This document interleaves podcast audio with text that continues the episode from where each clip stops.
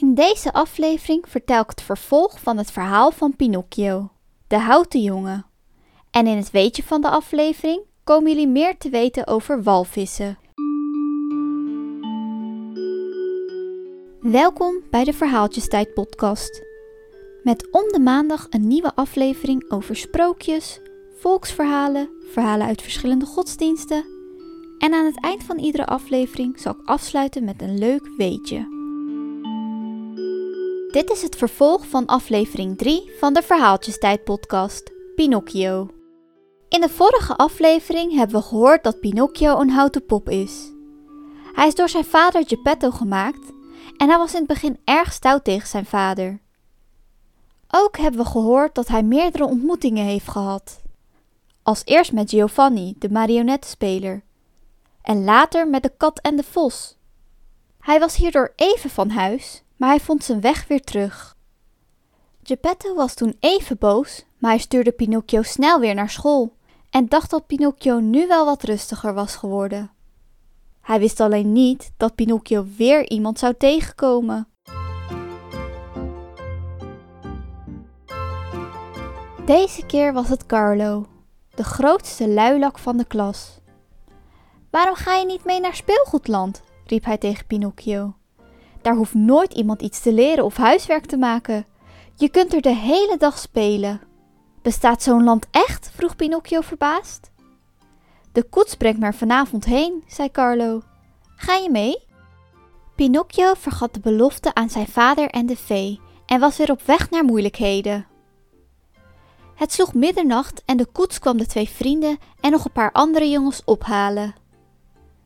Ze konden maar nauwelijks wachten totdat ze in het land waren waar nog nooit iemand had gehoord van schoolboeken en meesters. De koets werd getrokken door twaalf paar ezels met leren laarsjes aan. De jongens stapten allemaal in, behalve Pinocchio. Hij klom vlug op een ezel en even later vertrok de stoet. Dit is pas leven, riep hij elke keer als hij Carlo tegenkwam. Had ik gelijk of niet? riep zijn vriend tevreden. Nou en of, Carlo. Bedankt dat je me meegenomen hebt. En de meester op school zei nog wel dat ik vooral uit je buurt moest blijven. Het plezier in speelgoedland was echter maar van korte duur. Toen Pinocchio op een ochtend wakker werd, wachtte hem een onaangename verrassing. Hij voelde met zijn handen aan zijn hoofd en merkte dat hij een paar lange oren had gekregen. Hij dacht: dit zijn niet de slordig afgewerkte oren die Geppetto heeft gemaakt. Maar dat was nog niet alles. De oren groeiden s'nachts door en de volgende dag waren ze nog veel langer geworden. Pinocchio schaamde zich en zette een grote katoenen pet op. Vlug ging hij op zoek naar Carlo. Die droeg ook een pet. De jongens keken elkaar aan en trokken toen tegelijk elkaars pet af. Ze barsten uit in lachen, want ze bleken allebei een paar verschrikkelijk lange oren te hebben. Maar terwijl ze nog stonden te lachen, werd Carlo bleek en wankelde. Pinocchio, help, help, riep hij. Pinocchio voelde zichzelf ook wat wankelen op zijn benen en begon te huilen. Het gezicht van beide jongens groeide uit tot de vorm van een ezelskop en ze voelden allebei opeens dat ze op handen en voeten liepen. Pinocchio en Carlo waren veranderd in een stel ezels. En toen ze wilde schreeuwen van angst, kwam er alleen een ezelgeluid uit. De koetsier die de nieuwe ezels hoorde, wreef opgewekt in zijn handen. Ha, twee mooie nieuwe ezels die ik op de markt kan verkopen. Dat was het ellendige lot van de ondeugende jongens die spijbelden van school en de hele dag maar wilden spelen. Carlo werd verkocht aan een boer en Pinocchio aan een man uit het circus, die hem kunstjes leerde die hij ook aan zijn andere dieren had geleerd. Het was een moeilijk leven voor een ezel. Ze kregen de hele dag niets anders te eten dan hooi, en als dat op was, kreeg ze stro. Er werden de nodige klappen uitgedeeld met de zweep, tot Pinocchio de moeilijkste kunstjes ook helemaal onder de knie had. Toen hij op een dag door een hoepel sprong, struikelde hij en werd hij kreupel. De man riep toen de staljongen. Een kreupele ezel is waardeloos, zei hij. Neem hem mee naar de markt en verkoop hem tegen elke prijs. Maar niemand wilde zo'n waardeloze ezel kopen. Toen kwam er een man langs en zei: Ik wil hem wel kopen voor zijn huid, want die kan ik gebruiken als vel voor een grote trommel. En zo ging Pinocchio voor een paar stuivers over in andere handen en hij was doodsbang toen hij hoorde welk afschuwelijk lot hem te wachten stond. Zijn nieuwe eigenaar wilde hem in zee laten verdrinken. Hij zou daarna de ezel villen en zijn huid gebruiken. Op de bodem van de zee snakte Pinocchio naar adem en opeens schoot hem te binnen hoeveel ellende hij Geppetto had bezorgd. Hoe hij zijn belofte had gebroken. En wanhopig riep hij de vee om hulp. De vee hoorde Pinocchio roepen en toen ze zag dat hij bijna verdronk, stuurde ze een school grote vissen op hem af. De vissen aten al het ezelvlees weg, zodat alleen de houten Pinocchio overbleef. Toen de vissen niets meer te knabbelen hadden, voelde Pinocchio opeens hoe hij naar boven werd gehesen uit het water. De man keek met een open mond van verbazing naar de levende houten pop die spartelend aan het touw hing, in plaats van een dode ezel. Toen hij van verbazing bekomen was, zei hij bijna in tranen: Waar is de ezel die ik in de zee heb gegooid? Die ezel ben ik, grinnikte Pinocchio. Jij? riep de man. Probeer me niet voor de gek te houden, want als ik boos ben, dan. Pinocchio vertelde het hele verhaal aan de man. En daarom besloot hij: Hebt u nu een levende houten pop aan het touw in plaats van een dode ezel? Ik geloof geen snars van dit hele verhaal, riep de man woedend. Wat ik wel weet, is dat ik twintig munten voor je heb betaald en ik wil mijn geld terug omdat de ezel niet meer bestaat, zal ik jou naar de markt brengen en je verkopen als brandhout. Mopperend maakte de man de touw om Pinocchio's benen los. Zodra de man hem had losgemaakt, dook Pinocchio de zee in. Een poosje later was hij nog maar een stipje aan de horizon, waar hem alweer het volgende avontuur te wachten stond. Uit het water achter hem schoot een enorme walvis naar boven. Dodelijk geschrokken keek Pinocchio naar de wijd opengesperde kaken en voor hij het wist werd hij een ogenblik later samen met een school vissen doorgeslikt. In een duizelingwekkende vaart suisde Pinocchio door het keelgat van de haai naar zijn maag. Toen Pinocchio van de schrik bekomen was, was het donker. Op handen en voeten kroop hij naar beneden langs iets wat aanvoelde als een pad, terwijl hij zachtjes riep: Help, help!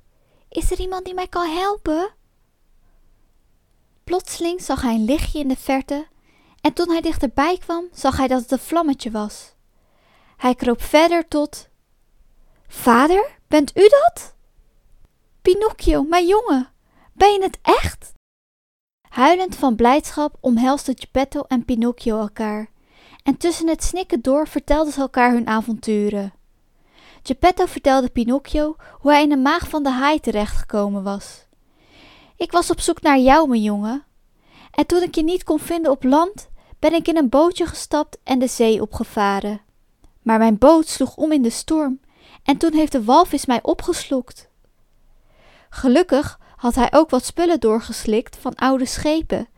Daarmee heb ik tot nu toe overleefd. Hoera, we zijn nog niet dood, riep Pinocchio toen ook hij zijn verhaal had gedaan. Maar we moeten hier zo snel mogelijk weg, papa. Hij nam Geppetto's hand en begon met de kaars in zijn hand door de maag van de walvis naar boven te klimmen. Toen ze in de buurt van zijn grote bek kwamen, werden ze bang. Maar gelukkig sliep de walvis met zijn bek wijd open. Dit is onze kans om te ontsnappen, fluisterde Pinocchio.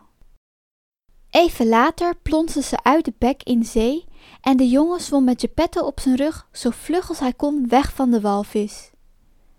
Gelukkig waren ze dicht bij de kust. Snel zwom Pinocchio in de richting van het strand. In de ochtendschemering zat de oude Geppetto toen drijfnat en half dood van kou en angst op Pinocchio's rug. Houd u goed vast, vader, riep Pinocchio. Ik weet niet hoe lang het gaat duren, maar in de verte zie ik het strand al. Op het strand stond een oude hut gemaakt van takken en daar vonden ze hun onderdak. Geppetto had koorts gekregen en Pinocchio zei: Ik ga melk halen. De jongen ging af op het geluid van schapen en geiten en kwam na een poosje bij een boer. Natuurlijk had hij geen geld om melk te betalen. Mijn ezel is dood, zei de boer. Dus als je een dag in de tredmolen loopt, krijg je melk van me. En zo stond Pinocchio dagen achter elkaar vroeg op om het eten voor Geppetto te verdienen. Na veel rondzwerven kwamen Pinocchio en Geppetto tenslotte thuis. De jongen vond al gauw werk als mandenvlechter en hij werkte van s morgens vroeg tot s avonds laat. Op een dag hoorde hij dat de vee in het ziekenhuis lag. In plaats van nieuwe kleren voor zichzelf te kopen, stuurde Pinocchio de vee geld zodat ze het ziekenhuis kon betalen. Op een nacht verscheen de vee in een prachtige droom om Pinocchio te belonen. Toen de pop de volgende ochtend in de spiegel keek, zag hij dat hij iemand anders was geworden. Want daar in de spiegel zag hij een knappe jongen staan met blauwe ogen en bruin haar. Geppetto sloeg de armen om hem heen en kuste hem op beide wangen. Waar is de oude houten Pinocchio gebleven? vroeg de jongen verbaasd. Hier staat hij, riep Geppetto terwijl hij Pinocchio op zijn schouder klopte. Dat heb je ervan. Als jongetjes geen kattenkwaad meer uithalen, gaan ze er heel anders uitzien. Dit was het verhaal van Pinocchio.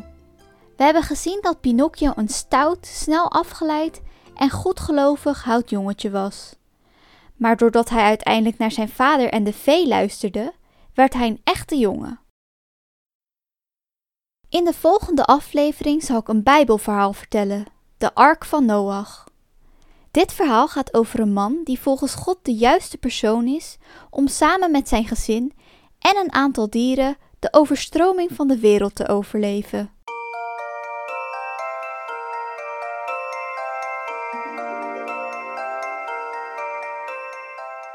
Het weetje van de aflevering gaat over walvissen. Wisten jullie dat de grootste dier ter wereld een walvis is? De blauwe vinvis is een walvissoort en dit is het grootste dier ter wereld. Deze walvis kan 33 meter lang worden en kan wel 170.000 kilogram wegen. Walvissen zijn warmbloedige zoogdieren en brengen levende jongen onder water ter wereld. De meeste vissen ademen via kieven, maar walvissen hebben net als wij longen. De walvissen nemen bij duiken heel weinig lucht mee naar beneden. De zuurstof wordt dan opgeslagen in hun spieren. Als wij uitademen, blazen we lucht uit. Maar bij de walvissen gaat het uitademen samen met een hevige snuif door de neusgaten. Bij grote soorten ontstaat er dan een fontein van water. Die kan wel 8 meter hoog worden. Ik hoop dat jullie nu iets nieuws hebben geleerd over walvissen. Dit was Verhaaltjestijd. Meer informatie over deze podcast kan je vinden in de beschrijving. Hier staat ook hoe je mij het beste kunt bereiken. Dus vond je het een leuke podcast of heb je ideeën voor een ander verhaal? Laat dan een bericht achter. Bedankt voor het luisteren en tot snel!